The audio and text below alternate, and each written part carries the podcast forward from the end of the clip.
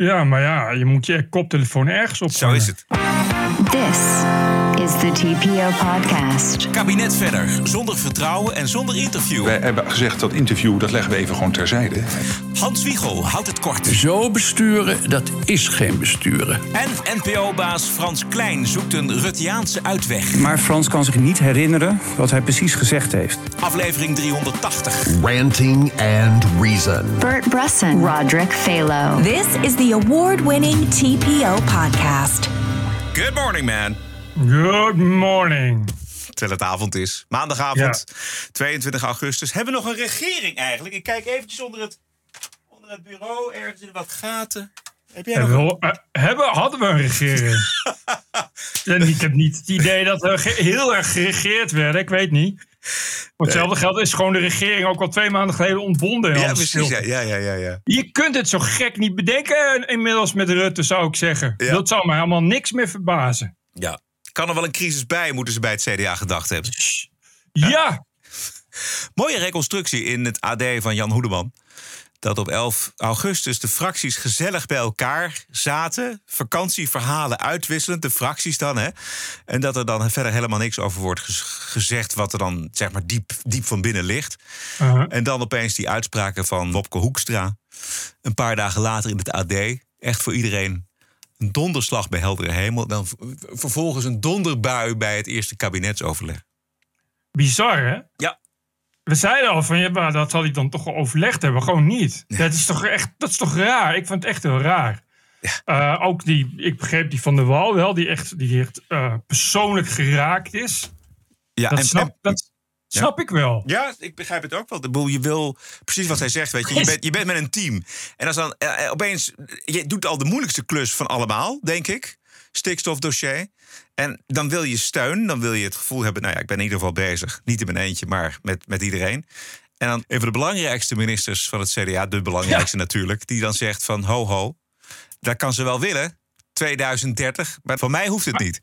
Ik snap sowieso niet dat ze nu überhaupt nog verder kunnen. Hoe kun je dan nog verder? Weet je, Ja, dat da- da- ik las ook al dat het dan daarna in de treffenzaal bij de regering eh, harde woorden vielen. Daar kun je dan wel iets bij voorstellen. Maar dan moet je toch nu moet je verder. Terwijl je bij die hoekstra toch elke keer denkt van ja, alles wat ik vertel, ik weet gewoon niet wat er gaat gebeuren. Ja, toch een beetje... Dus, eh, wat zegt hij straks? Zegt hij dan: eh, Nee, ja, ik ben het met jullie eens. We- Je weet het gewoon niet. Misschien zegt hij morgen: komt hij weer in het AD. Belt hij Hoedeman. Zegt hij: Ja, ik wil weer iets kwijt. Nou, kom in het AD. Dan zegt hij: eh, Ja, nee, ik wil, ik wil van het vluchtelingenverdrag. Je weet het gewoon niet. Nee. Ik hoorde vandaag Hans Wiegel op de radio. Daar horen we zo meteen ook nog eventjes een paar quotejes van. En die had het natuurlijk over zijn tijd. Dat hij regeerde met het CDA. Met eh, Dries van Acht. En dat Ja. bij, in dat CDA zaten er ook een aantal dissidenten. Misschien kan je dat nog herinneren. We hebben het over de jaren tachtig. En die dissidenten die waren ook eh, ongelooflijk onbetrouwbaar. Dus dat hoorde een beetje, dat plakte aan het CDA. Van die onbetrouwbaarheid. Je weet het maar nooit. Ja. Zo voelt het een beetje in de retrospectief. Dat het CDA misschien toch niet helemaal meer te vertrouwen is in het kabinet. Maar ja, goed. Ik moest toch onwillekeurig, of niet onwillekeurig juist niet, denken aan die scène, beroemde scène van De Untergang. Het is een trouwe Himmler die hem heeft verraden. Ja. Eh, dat, je de, dat je echt, je denkt gewoon niet, want ik snap wel, kijk, dat zei Rutte ook, van ja, maar kijk, je bent als fractieleider, heb je iets meer ruimte dan als kabinet zit. Dat snap ik, snap, dat snap ik. Ik snap wel dat je eh, bijvoorbeeld eh, tegen het AD kunt zeggen, nou ja, eh, wij vinden het wel moeilijk en, en, en, en we gaan toch nog eens kijken met de boeren. Maar niet, weet je, precies één punt in het hele kabinetsakkoord. Moet je over één ding duidelijk zijn en uitgerekend dat punt doe je dit. Terwijl je weet, iedereen, er is één reden. En dat is om, om, om, ja, om het CDA te redden. Dit, dit is puur om zetels te redden. Dit is puur om te zeggen, ja, ik, hoe, eh, die, die Hoekstra zegt, ja, eh, hiermee, ehm, het CDA is er nog voor boeren. En dit is de enige, ook eigenlijk geeft hij hiermee toe van er is eigenlijk geen andere keuze meer voor het CDA. Ja. Anders is het CDA weg. Ja. Eventjes terug naar de persconferentie van de minister-president afgelopen vrijdag. Dit is een vraag van de NOS. Hij had het eigenlijk niet mogen zeggen, maar het kan net, zegt u. Maar het punt blijft dat de ene minister vindt dat er te dogmatisch wordt omgegaan met die stikstofdoelen. En de andere minister die tegen heugenmeug probeert iets in gang te zetten, zegt ja, die doelen moeten we wel gaan halen. Dus ja, wat is het nu? Eh, eh, Het is eh, het halen van die doelen, dat is het kabinetsbeleid. Eh, en er ligt ook geen verzoek van een van de vier partijen om dat deel van het regeerakkoord aan te passen. Dus Wopke Hoekstra zegt het wel, maar hij geeft gewoon uitvoering aan het kabinetsbeleid, namelijk het halen van die doelen. Nou, in die zin dat eh, wij hebben gezegd dat interview, dat leggen we even gewoon terzijde. Ja, jongen, jongen, jongen. Ja. Het Ja. kan net ook. Wa- hoe- nee, het kan niet net. Als het zo is dat het bij één uitspraak blijft van deze Hoekstra. en eh, hij komt inderdaad niet vragen om het regeerakkoord open te breken. Dat is dan, dan heeft hij van alles geroepen, maar dan is het niet verder serieus bedoeld. En dan kunnen de boeren fluiten naar eh, wat hij van plan is. Dan wordt het gewoon toch 2030 eh, het voornemen. Ehm, ja, of hij komt later nog met toch uiteindelijk een verzoek om dat, om dat open te breken, dat regeerakkoord. Hij zal wel moeten, want kijk, wat hij heeft gedaan is all ingaan. Dit is alles of niets. Als hij het nu niet doet, is het helemaal einde CDA. Ja. Dat, dat las ik ook al overal eh, in de media. Dat het uit de monden van CDA werd, werd opgetekend.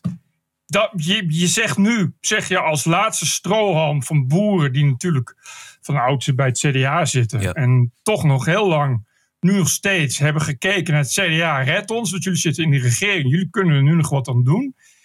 Hij heeft gewoon echt alle visies voor zich uitgeschoven... en gezegd, eh, ik, ik ga erin. Dus nu jij- kan hij, als hij nu teruggaat, als hij morgen zegt: Nou ja, nee, sorry, ik neem die uitspraak terug. Ik ga het niet, eh, niet, niet openbreken. Dan is bij de volgende verkiezingen het CDA net zo groot als de FVD. Ja, Drie zetels. Ja, dat zou je denken. Ja.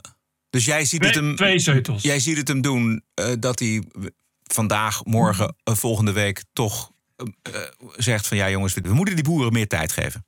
Zullen wel moeten. De, ik- de- of, ze zullen wel moeten. Het punt is dat het natuurlijk, zoals het nu ervoor staat, niet gaat lukken met die boeren.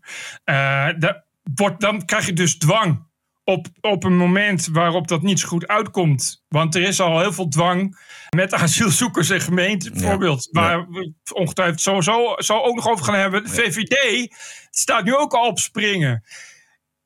Hoekstra heeft geen andere keuze. Het CDA heeft geen andere keuze. Nul. Ja. Dan betekent dat dat of D66 moet, zoveel belang moet zien in het kabinet eh, behouden. Zonder, zonder gezichtsverlies. Dus die, die, zeggen dan: oké, ja, 2030, als daar twee jaar bij komen, dan, dan kan het ook. Of ze houden poot, de poot stijf en zeggen: ja, maar wacht even. Hoe dan ook, het wordt straks komt het dus aan op onteigeningen en dat soort dingen. Daar, daar weet je nu al dat de helft van het CDA achterbank eh, op de banken gaat staan. Pre- precies wat Wopke Hoekstra heeft aanzien komen. Dus hij, hij doet nu al een stap vooruit om daarin de zaak te redden. En als het kabinet op deze manier wordt opgeblazen, heeft hij straks een, de eerste troef in handen. Ja. Namelijk stem CDA. Want dan schuiven we het nog eens een keer vijf jaar voor ons uit. Dat kan, heel goed. En dat betekent dus dat Hoekstra de stekker uit het kabinet gaat trekken. Daar komt het wel op neer. Daarom doet hij. Ik kan maar echt. Het lijkt me verder geen domme jongen. En het is niet. je- als je dat op dit moment ook nog tijdens, tijdens het reces. of zijn ze, ze waren net terug, hoe Ja, dan ook. net terug, ja. Is echt, echt een, stil, een stil punt. Dit, dit, dit je riekt ook helemaal naar opblazen.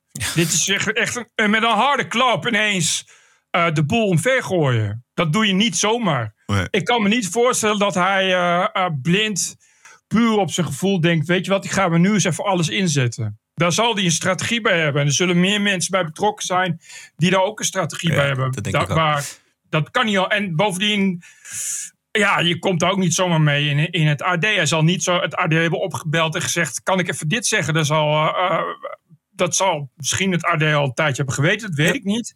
Nee. Maar er zit nog meer in dat interview. Hij is ook ontevreden over de asielcrisis aanpak. Dat zegt hij ook allemaal in het interview.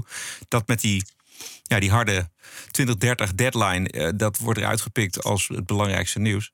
Maar dit is heel slim van hem. Het is echt heel slim. Op, als nu verkiezingen zijn, heeft hij echt een hele grote troef in handen. Ja. Hij is dan namelijk degene, de grote verlosser. Zoals Ja. het ook nog eens een keer mooi bij Ja, het de CDA past. Ja, exact.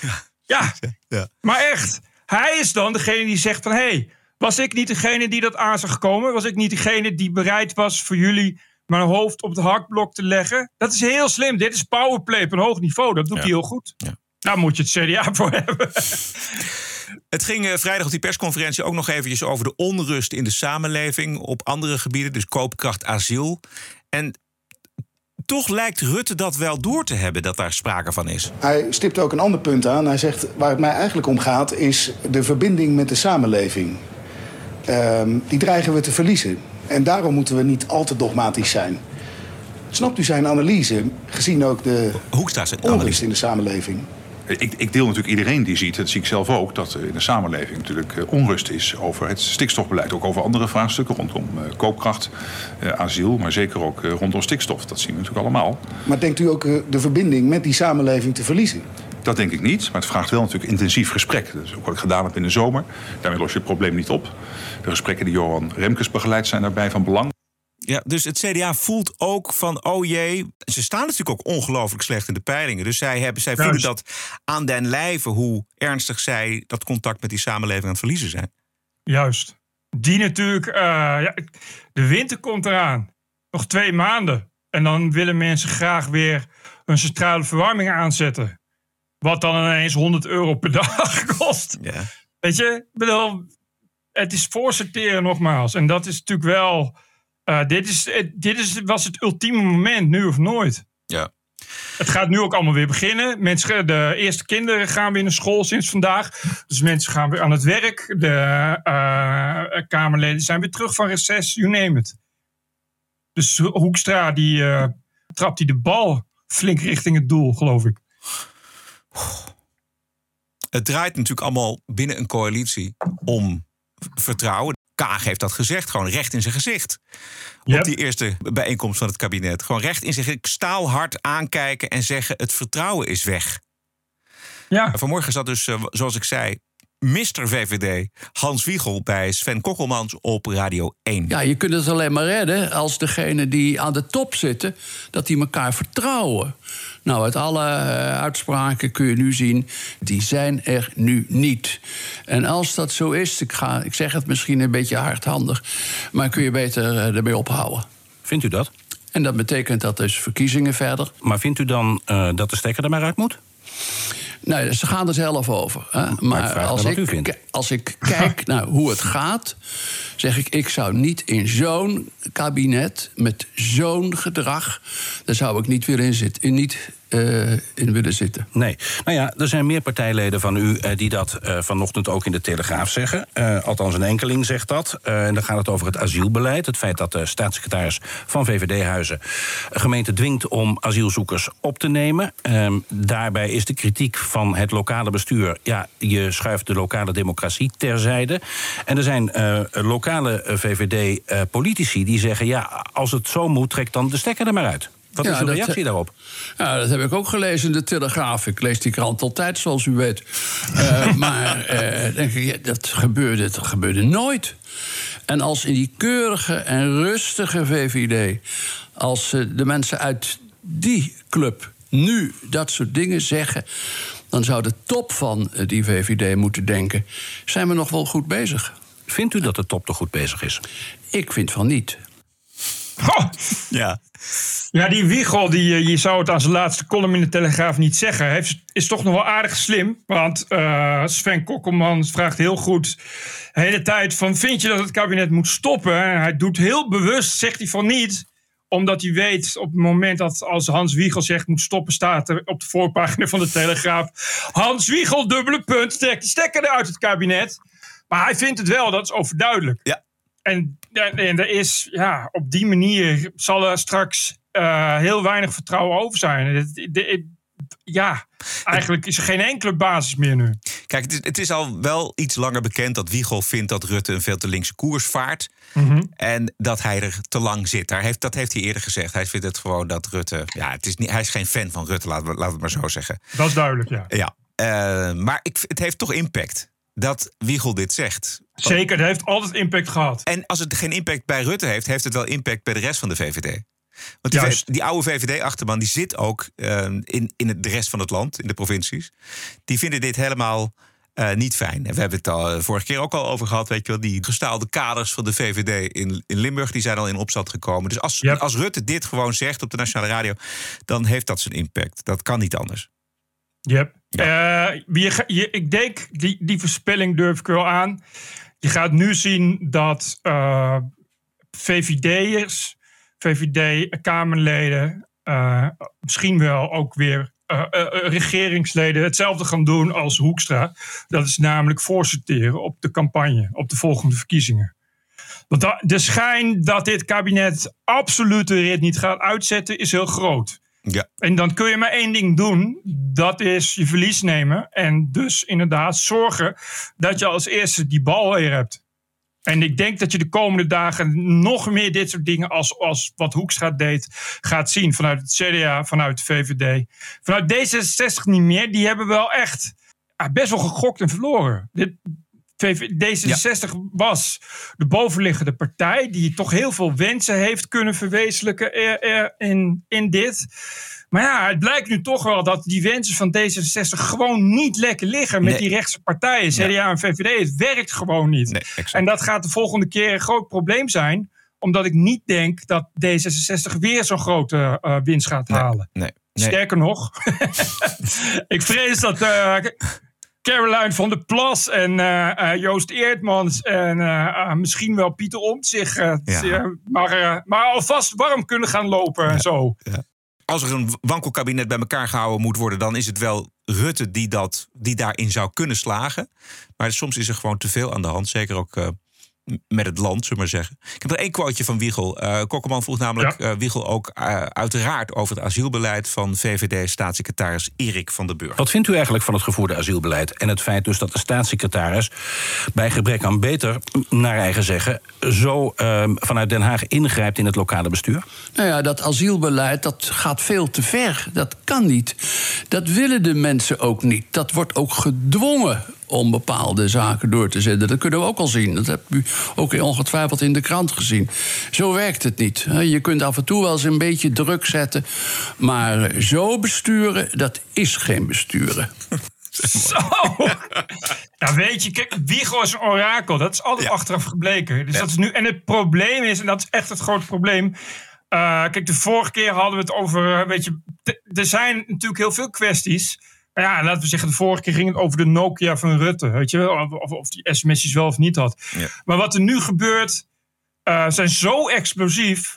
Niet alleen het stikstofbeleid, maar dat asielbeleid. Wat Van de Burg doet, dat grijpt zo diep in tegen de, de liberale idealen van de VVD. Dat je daar op het moment dat mensen daar ja, vanuit die partij. En dat zijn geen kleine lui. Weet je, dat is zo'n beetje heel fractievoorzitter VVD Limburg. En nu dus ook nog een heleboel anderen. Daar kom je niet meer zomaar uit. Daar kom je niet meer zomaar mee weg.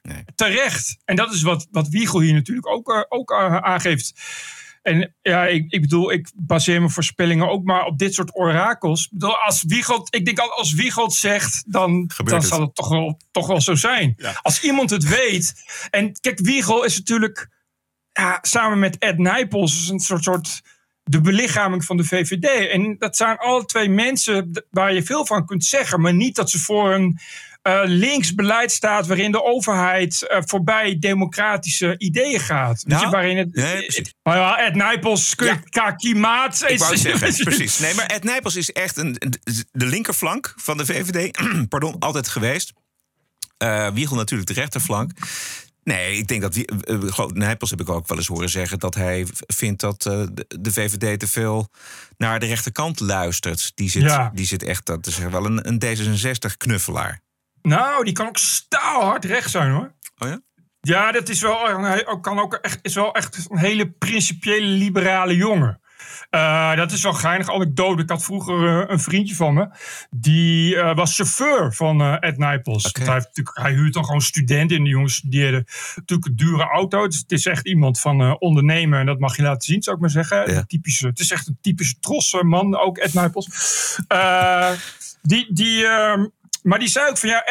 is iemand die hij had dan, dan had hij, kocht hij wat, wat te eten en dan had hij dat op en dan was er over.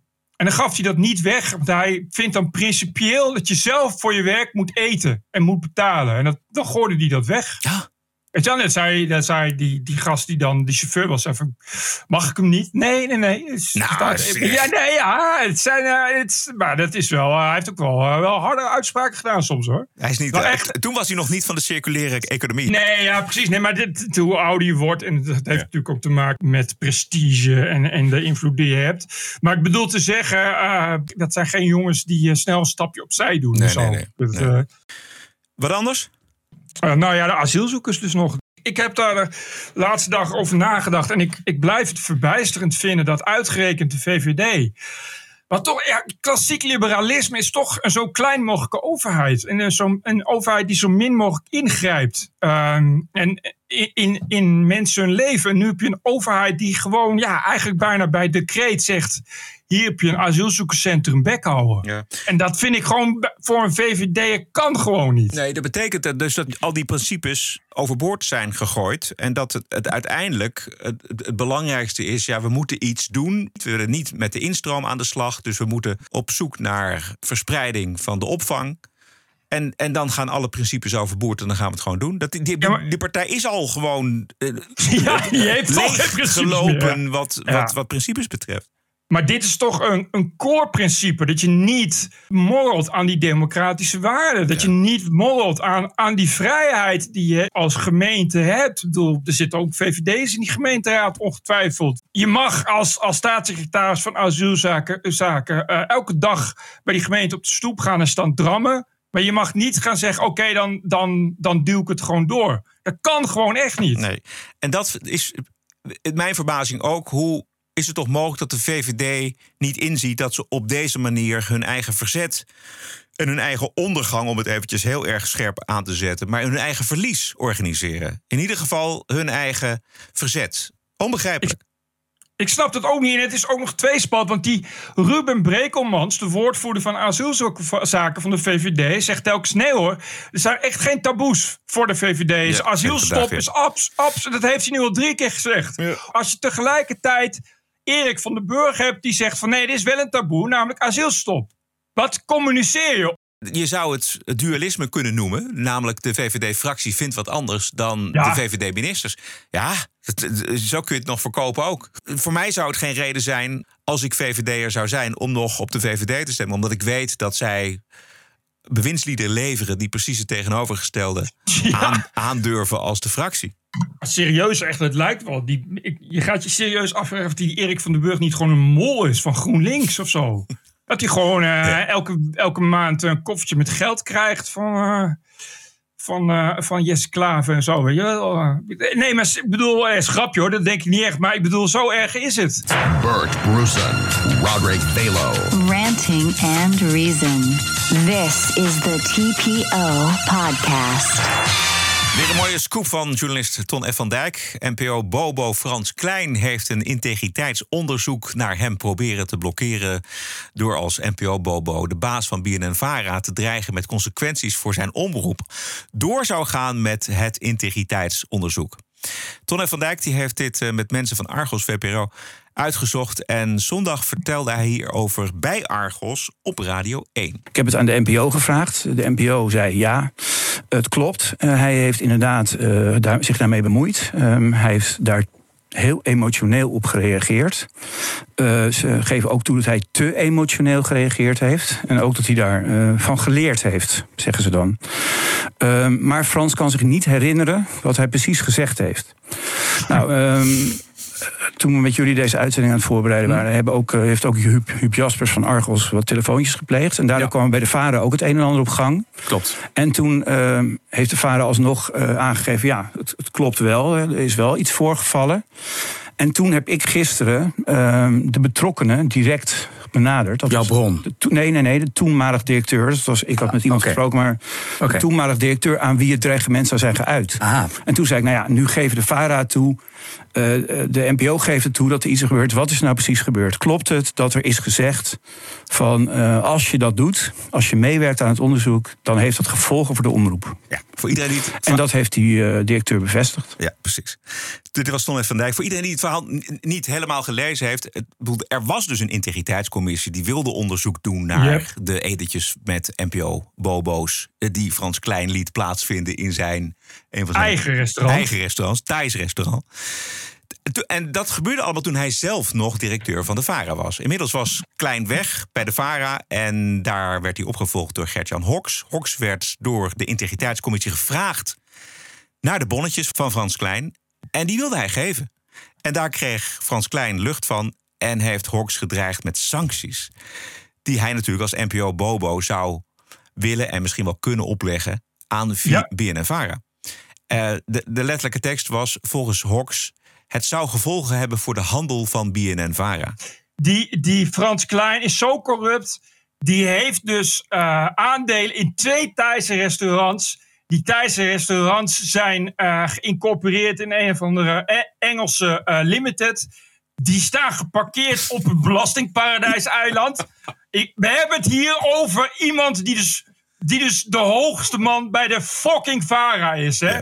Even, even voor de duidelijkheid. Die gaat dus etentjes in zijn eigen restaurants. Nou, dat zijn etentjes, ja. Dat is misschien 2000 euro. Weet je, ik bedoel, wat kost een etentje in een Thais restaurant? We hebben allemaal een bak pauw met duk. Dat is een beetje... Ver- Dat gaat dus in je eigen restaurant, komen die inkomsten. Vervolgens ga je die bonnetjes declareren als zakelijke kosten. Ben je dan een corrupte, corrupte kruidenier of ben je dan geen corrupte kruidenier? En dan staat je toko dus als, nogmaals, ik herhaal nogmaals, als de verschillige VARA, de arbeidersomroep als baas, heb je aandelen in de meest schimmige brievenbusfirma's op, op, op weet ik veel, de Cayman-eilanden, een van de belastingparadijs. Dus je hebt al al je winst, zorg je ervoor dat je geen belasting betaalt. ja. En zelfs een paar honderd euro voor een etentje probeer je nog te declareren. Ben je dan fout? Stapeling op stapeling. Want je kunt ook gewoon zeggen, we gaan ergens anders eten. En dan je, je, je- je bonnetjes declareren. Dat zou ook nog kunnen, weet je wel. Echt, maar ik- nee, ze gaan- nee, hij organiseert... Dus hij verdient er twee keer aan. Hij verdient Dat en, is echt. Ja, hij verdient... Oh man, ik kan daar zo slecht tegen. Ja, het is ongelooflijk. Ja. En ik vind het niet eens erg hè, dat je zegt van kom in mijn zaak eten. Weet je wel, dat je zegt van nou ja goed, maar het is mijn zaak, dus ik weet hoe dit werkt. Er is ook niemand die dan, weet je, want nogmaals, het gaat niet om miljoenen euro's. Nee, weet nee, je, is niemand die zegt ach, eh, het, is, het, is, het, is, is- is te klein om te zeggen, och, verrijk jij op kosten van de belastingbetaler. Heel onzin. Maar dat je dan nog, ook nog een keer je bonnetjes probeert te declareren. Weet je, dat Ja. je echt Ja. Ja. Oh man, alles wat aan de varen aan de top heeft gestaan is fouter dan het achterste van een gemiddelde roodbonte stier. Echt, het is niet te doen. En Frans Klein is heel lang directeur van de VARA geweest. Best een hele aardige man, want ik heb hem zelf ook nog meegemaakt. Maar het, het is gewoon ongelooflijk dat je inderdaad dit soort principes... Dat zul je altijd zien. En de- de- hij is zeker niet de eerste bij de VARA. Maar je hebt dus principes van laten we eerlijk... Hè, laten we sociaal-democratisch, laten we de boel eerlijk verdelen. Laten we eh, goed omgaan met de belastingcenten. En dat je dan inderdaad privé nog twee restaurants hebt... met, je- met zijn broer geloof ik. En dat je dan eh, dat allemaal probeert weg te sluizen. En zo min mogelijk belasting probeert te betalen. Wat, wat is dat toch voor Oh, een, inderdaad maar- een kruideniersocialisme? Ik begrijp het niet. Ik begrijp niet Maar- dat de mensen dat... En, en, en wa- wat verdient hij er nou aan? Hij heeft toch een, een fantastische baan bij de NPO, man. Dat Ja, heeft dit- meer dan dit- genoeg. En doe dan als hobby erbij een Thais restaurant. Weet je wel, mijn vader wilde Precies. altijd vroeger een bistro erbij hebben. Nou, dat had hij nog geld op toegelegd, bij wijze van spreken. Hij, wilde, hij vond dat gewoon leuk. Het is een hobby. Hij deed hele andere dingen. Maar goed, die Frans Klein heeft een super, super, super goed betaalde baan bij de, Dit. bij de publieke omroep. En wil dan toch nog het onderste uit de kan halen. En dan je restaurant, weet je, hoeveel winst... Dat ga je dan tax shelteren. Weet je, in, in, in een of andere offshore Ja. Ben je dan gelukkig? Weet je, Ja, precies. Ben je dan echt- gelukkig? Lig je dan te slapen dat je denkt van... hé, ik heb het toch maar mooi even voor elkaar gekregen... dat ik niet 30.000 euro extra belasting Ja. te kijken. Serieus, man. In de TPO-podcast op vrijdag. De Wokweek. Ook in de wiskunde valt nog genoeg te decoloniseren. Het absurdisme. You're an adult. Grow up. Deal with it. De terreur. Everything woke turns to shit. En het verzet ertegen. This cancel culture is gonna end, end, end. De Wokweek. In de TPO-podcast op vrijdag. En daar kun je naar luisteren. tpopodcast.nl En op die website word je meteen eigenlijk doorverwezen naar onze eigen Petje Af pagina. En daar wijst het allemaal zichzelf. Daar kun je gewoon gezellig lid worden van de Vrijdagclub. en dan Meeluisteren. Meeluisteren. Voor nog geen 50 eurocent per aflevering. Nou, dat is geweldig. Oh, ja. ik heb nog fanmail. Ja, leuk. TPO Podcast. Ja, wij zijn de TPO-podcast. Twee keer per week op dinsdag en op vrijdag. En wil je schrijven, schrijf dan naar info.tpo.nl. Ranting and Reason. En Bert heeft post. Ja, dit is Hein. Hein, beste Roderick en Bert. Hier een luisteraar van het eerste uur. Een waardering voor jullie goede podcast, welke ik elke dinsdag en vrijdag met veel plezier luister. Hopelijk vindt jullie geluid een steeds groter publiek. Fijn dat jullie ook in de vakantieperiode lekker doorpodcasten. Ga zo door, ik blijf abonnee. Hartelijke groet vanaf het zonnige Corfu. Groet, Hein. Waar ligt Corfu eigenlijk? Dus, eh, Corfu ligt aan de westkust van Griekenland. Ja, Griekenland, oh ja. Ja. En nog één. Van Jos. Ha, Roderick en Bert. Ik ben al een tijdje luisteraar voor jullie podcast. En het zwart luisteren heb ik inmiddels ook opgegeven. De Wokweek is mijn favoriete onderdeel. Want de absurditeit over privileges en aanspreektitels van de wokisten brengen mijn wereldproblemen weer in perspectief. Nu we het er toch over hebben. Ik heb voor mezelf ook maar een aanspreektitel verzonnen. De wit geprivilegeerd gemaakte. Maar ik wil met deze mail eigenlijk iemand aangeven. Mijn collega en medefan van jullie podcast, Jeroen, die in het bedrijf eh, eh, werkt waar ik ook werk, gaat het bedrijf verlaten. Dus deze notoire zwartluisteraar wil ik nog even snel aangeven. Melden! PS, er is nog een niet betalende collega die deze terechtwijzing natuurlijk niet kan ontlopen. Jeroen, melden! Groetjes en hopelijk nog vele uitzendingen. Jos. Dankjewel Jos, hartstikke leuk. Wil je ook schrijven? Dat kan naar info.tpo.nl. Dan de Russische verzetsclub, de NRA. Voor zover die bestaat. Die heeft die mislukte aanslag opgeëist op de ultranationalistische ideoloog in Rusland, Alexander Dugin. In Moskou. En in de auto die werd opgeblazen, eh, daar zou hij zitten. Maar daar zat alleen zijn dochter en zij is op het leven gekomen. Dit soort last-minute savings komt toch wel vaak voor in de geschiedenis. Hè? Goddelijke ingreep. Ja, dat, kun je afvragen. Maar, Het eh, zal bij Dugin eh, wel... eh, Die is zo orthodox dat hij daar waarschijnlijk een direct lijntje heeft met de patriarch. Is er opeens verzet ontstaan in Rusland? Nou ja, je, je weet natuurlijk niks. eh, niks zeker. Kijk, het, eh, het is natuurlijk eh, een verhaal wat meteen naar buiten komt. van ja, het is mijn auto. Ik, ik wil erin zitten. Ik vind tegelijkertijd, heb ik ook wel geleerd door de jaren heen. dat het soms ook wel een heel ander verhaal kan zijn. Je weet natuurlijk niet zoveel van die vrouw, althans. Je weet niet, het kan dus ook een drugsaanslag zijn, ik noem maar wat. Eerst de, de feiten afwachten, maar ja, kijk, die Dugin is natuurlijk consequent neergezet. Dus zo zet hij zichzelf ook neer als de grote Russische ideoloog. Eh, die, die, nou ja, eh, het toch nooit onder stoel of banken heeft, heeft gestoken dat de grote Russische expansie eh, toch een belangrijk onderdeel is van eh, de, de, nieuwe, de nieuwe westerse orde die, die moet gaan plaatsvinden, zoals hij dat noemt. Dus het is niet raar om te denken dat op het moment dat je eh, de vijanden van Oekraïne, om het maar zo te noemen, wilt uitschakelen, dat je je pijlen op Dugin richt. Ook omdat, terwijl dat niet zeker is, terwijl heel erg het beeld is ontstaan dat hij heel veel invloed heeft hè, op, op, op Poetin. Dat Mhm. wordt ook gezegd. Daar wordt dan wel de echte Rasputin, eh, of de nieuwe Rasputin wordt die genoemd, omdat hij zoveel invloed hebben. En die baard heeft hij? Ja, en hij ziet er ook zo uit. Dus dat, maar ik geloof dat daar ook eigenlijk geen zekerheid over is. Maar ja, eh, stel dat jij ja, eh, eh, in Oekraïne woont en je denkt, ik ga de juiste mensen uitschakelen. Ja, ik kan me er wel wat bij voorstellen. Ja. Op 21 september 2019, twee jaar geleden dus, was deze Dugin in Amsterdam. En hij ging daar in debat met de grote Franse filosoof en tegenhanger Bernard-Henri Lévy. En dat is een prachtig debat. Ik heb het eh, vanmiddag helemaal bekeken. Het duurt een uur. Te vinden op YouTube. Ik heb eh, daar twee fragmenten uit geselecteerd. Ze zijn een beetje aan de lange kant, maar ze zijn eh, interessant genoeg. Uh, eerst deze Alexander Dugin. I think that democracy, the content of democracy is changing. I have spoken once with Fukuyama, and Fukuyama de, de, defined the modern understanding of liberal democracy as the rule of the minorities against the majority. And I think that if I don't share this new understanding of liberal democracy, or if, for example, I challenge that the subject of the freedom should be individual, and that is the essence, the axis of human rights uh, ideology, if I consider the identity of, of the man, of human culture, of society, not to be reducible to individuality. So, for example, in our Russian tradition, the subject of freedom or the subject, human subject, is not individual, it is collective.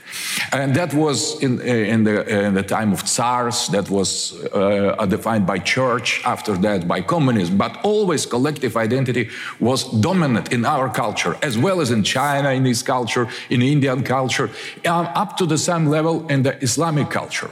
But I think that I'm nihil- nihilist in the sense that I refuse universality of the modern Western value. I don't think they are universal. I think they are uh, Western, they are modern. Uh, I think the uh, West is very powerful still uh, in order to defend them, but I just challenge. Um, that that is the only way to interpret democracy as the rule of minorities against majority, the only way to interpret the freedom as individual freedom, the only way to, inter uh, to interpret human rights, projecting Western modern individualistic version of human on the other culture. Ja. That's my opinion. Ja. Dit is de, samenvatting eigenlijk van zijn filosofie. De, de, de Ja. kern van zijn kijk op democratie en vrijheid. Hij zegt: mensen hebben altijd, Rusland, China, islam, een, een collectieve vrijheid gekend. Eh, dus hij heeft het over collective identity, de collectieve identiteit. En ik accepteer niet, zegt hij, het individu- individualistische concept van vrijheid en democratie zoals we dat in het Westen eh, zien. Want dat leidt alleen maar tot crisis, zoals we dat nu zien. En het heeft in het verleden geleid tot fascisme. Dit is in het kort zijn filosofie, toch? Ja, nee, dit, dit klopt. Het is een, een een clash of ide- ideologies, een clash of, of civilizations. Ja, daar En is hij. ja, als je nou dit luistert en, en je hebt het idee dat de, de, de ideologie jouw vrije land, wat je nog niet zo heel lang geleden eh, van vrij bent geworden, dus, dus in Oekraïne, eh, dat op basis van die ideologie jouw buurman en, eh, en jouw buurvrouw wordt doodgeschoten en jouw land wordt bezet, begrijp ik wel dat je dan je woede op dit soort mensen richt. Ja. Het is natuurlijk een symbolische daad ook die je dan wilt plegen. Ja, exact. Hij is dus in een debat met Bernard Henri Lévy. Die is precies het tegenovergestelde. Laten we luisteren naar een vrij lang fragment. Maar ik, ik vind het schitterend. You know your tradition, the Russian tradition, better than me, but I'm enough a friend of Russia to know that what you said about the place of subjectivity in Russian tradition is not true. You have also a tradition of Herzen, of uh, Pushkin, of Turgenev, a part of Sakharov, all the glorious tradition of the dissidents who fought the totalitarianism of the Soviet Union, who fought in the name of individuality, rights of the subjects, and human rights. And this element, you cannot say that it is not part of the Russian tradition. And again, you know, I devoted such a big part of my life to defend Russia against slavery, totalitarianism, and so on, to be authorized to say that.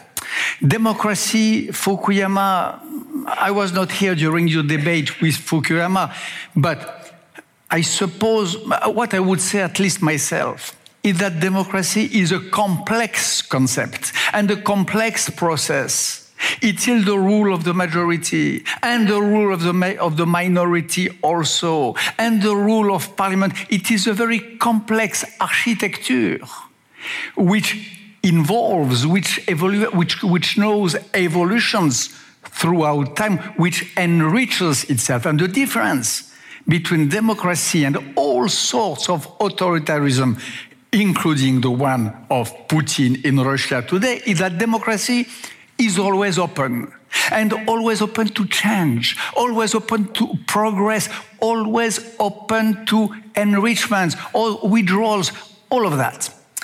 And about nihilism, let's agree on one point. You speak of Nietzsche, uh, who did not say that man killed the gods, by the way, but God, which is a very different thing. But the best definition of nihilism for me, we know it. We have it in our memory. Russia, with his 24 millions of deaths during the Great Patriotic War. Us in Europe, occupied by the Nazism. The Jews, my people, nearly exterminated. There is one definition of nihilism, which is those who committed these crimes, which means the Nazis. And the Nazis means they did not came from the sky, from the sky of Thule or of Tibet.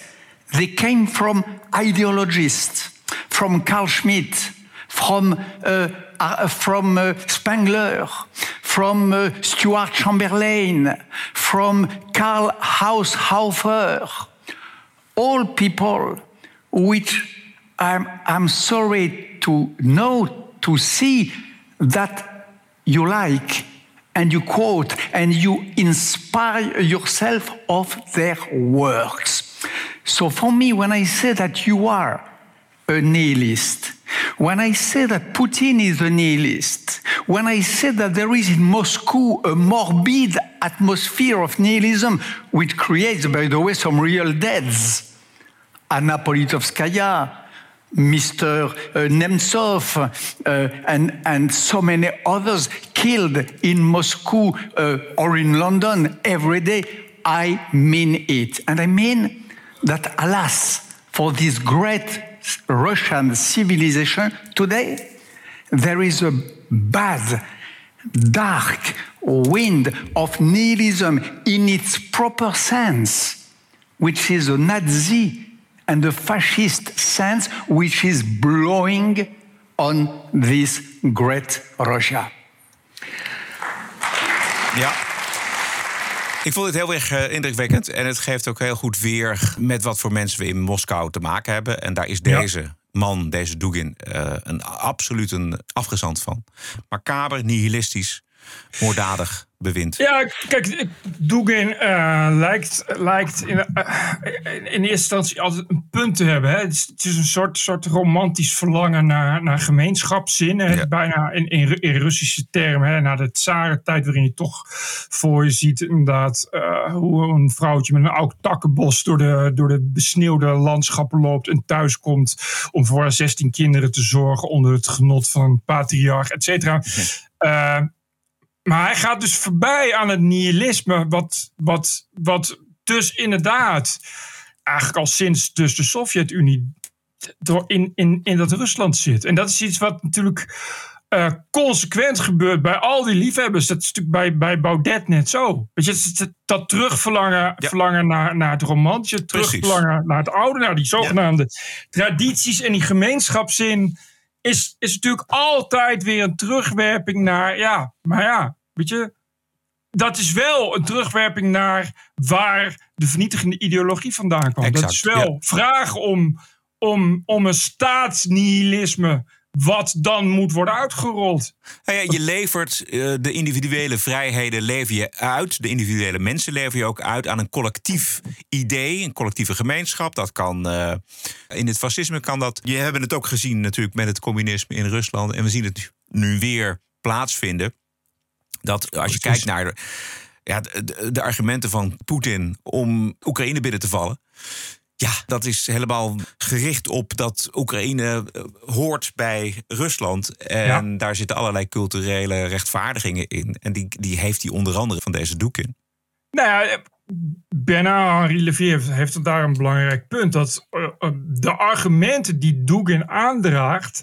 zijn precies de argumenten waarop alle grote verschrikkingen... van, van, van de afgelopen eeuwen zijn gebaseerd. Dugin baseert zich dus, dat zei Henri Levy ook, baseert zich op precies dezelfde intellectuelen en ideologen als waarop de nazi's zich. Mhm, ja.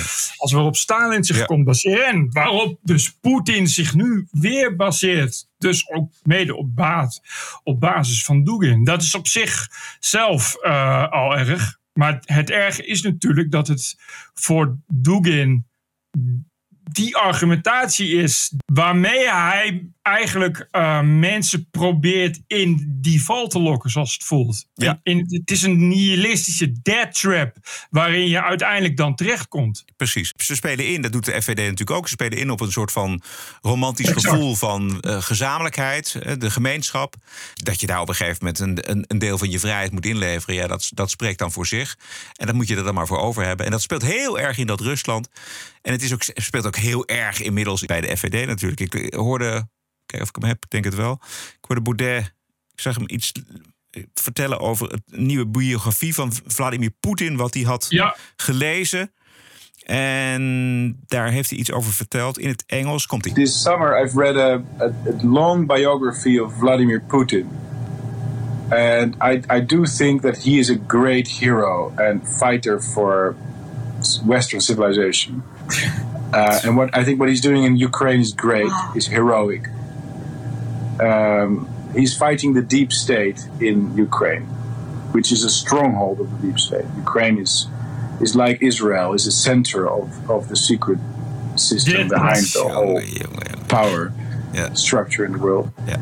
Israël als drijvende kracht achter de Joodse wereldheerschappij. Dat zijn toch uh, oeroude complottheorieën die altijd resulteren in pogroms en massavernietiging. Dat echt voorbij elke, elke waan dit. Ja, ongelooflijk. Ja. Dat is echt, ja. ja. Maar hij heeft nu, begrijp ik, uh, die, een bekende Kremlin, aan het Kremlin verbonden persoon... die uh, nu voorzitter is van het buitenlandbureau van, van FVD, geloof ik. Dus het is dus toch nu een soort openlijke, ja, Kremlin-marionet eigenlijk nou ja, geworden. ik zat er ook af te vragen, moet Baudet niet eens een keer naar Moskou? Nou, Hè? Misschien kan hij leuk met Steven Seagal uh, ja. wat uh, ja. leuke dingen opnemen. En ja. uh, wie het nog meer, die Franse acteur? Ja, Gérard Depardieu. Depardieu zit er ook. Ja, ze zijn er nog wat meer van die, van die te rijke, nuttig idioten. Ja, die basketballer wil nu ook volgens mij gaan, die Robin. Ja, maar die wil dan weer geloof ik iemand bevrijden. Dus oh, oké. Okay. Okay. Maar goed, dat is al Steven Seagal is natuurlijk uh, de aangewezen persoon. Omdat, ik zal dat even zeggen, Steven Seagal is natuurlijk uiteindelijk gewoon iemand van de CIA... die straks met twee messen in zijn handen en een geweer in zijn achterste... gewoon de hele boel uitschakelt en alle mensen bevrijdt en dan weer terugneemt. Dat, ik zeg dat even, dat je denkt van... Ja, ja, want zo is Steven Seagal. Ik zag ook dat die Roger Waters van... Pink Waters, Floyd. Pink Floyd, ja, die, was, die is ook helemaal... Uh, aan de, aan de zijde van, van Rusland. Oh, maar dat is een hele hinderlijke activist geworden. Ja, inderdaad. Ja. Dat, is, dat is nou echt het voorbeeld van... Ja, dat is zo'n typische babyboomer. Die zijn hele leven succes heeft gehad. En dan nu ben je ja, lekker dik in de 70. En luistert niemand meer naar je muziek. Weet je, dan, ja, dan moet je... Hij heeft ook Brexit was hij tegen. Eh, activisme. Pro-Palestina-activisme. Oh, ja, en, joh, ja, ja, ja, nee. Die is helemaal van het padje geraakt. Dat, die zit ook uh, diep in de, in de complotten. Dat is ook altijd te zien op uh, RT en dat soort, uh, dat soort plekken, zeg maar. Dus. Ja, ja. Ja, ik, ik, hoorde dat hij ruzie had op uh, CNN met een uh, verslaggever. Dat ging helemaal mis. Met een interview, tijdens een interview. Even kijken of ja. ik het nog kan vinden. Misschien voor aanstaande vrijdag. Um, ja, precies. He, hebben we nog wat? Of is het, is, dit is het? Nee, dit was het wel. Dit was het wel, hè? Elke dinsdag en vrijdag online via je favoriete kanalen. Vergeet je abonnement niet voor de vrijdagshow. Je steunt dan de TPO-podcast, niet onbelangrijk, al voor minder dan 50 eurocent per aflevering. Dat is 4 euro per maand maar. En je krijgt daarvoor twee keer per week de podcast met inclusief op vrijdag natuurlijk de one and only Wokweek. Ons ondersteunen met een abonnement doe je door te gaan naar tpopodcast.nl en dan kom je vanzelf op onze petje af pagina. En daar wijst het allemaal zich vanzelf. Veel dank. Stay cool. En tot vrijdag. Tot vrijdag. TPO Podcast. Bert Bruson, Roderick Balo. Ranting and Reason. Right on, Kaylee. Right on. Spot on. The TPO podcast in the Netherlands. Bert and Roderick. What a show. I'm telling you. Keep the show running. Go to tpo.nl slash podcast. Thank you.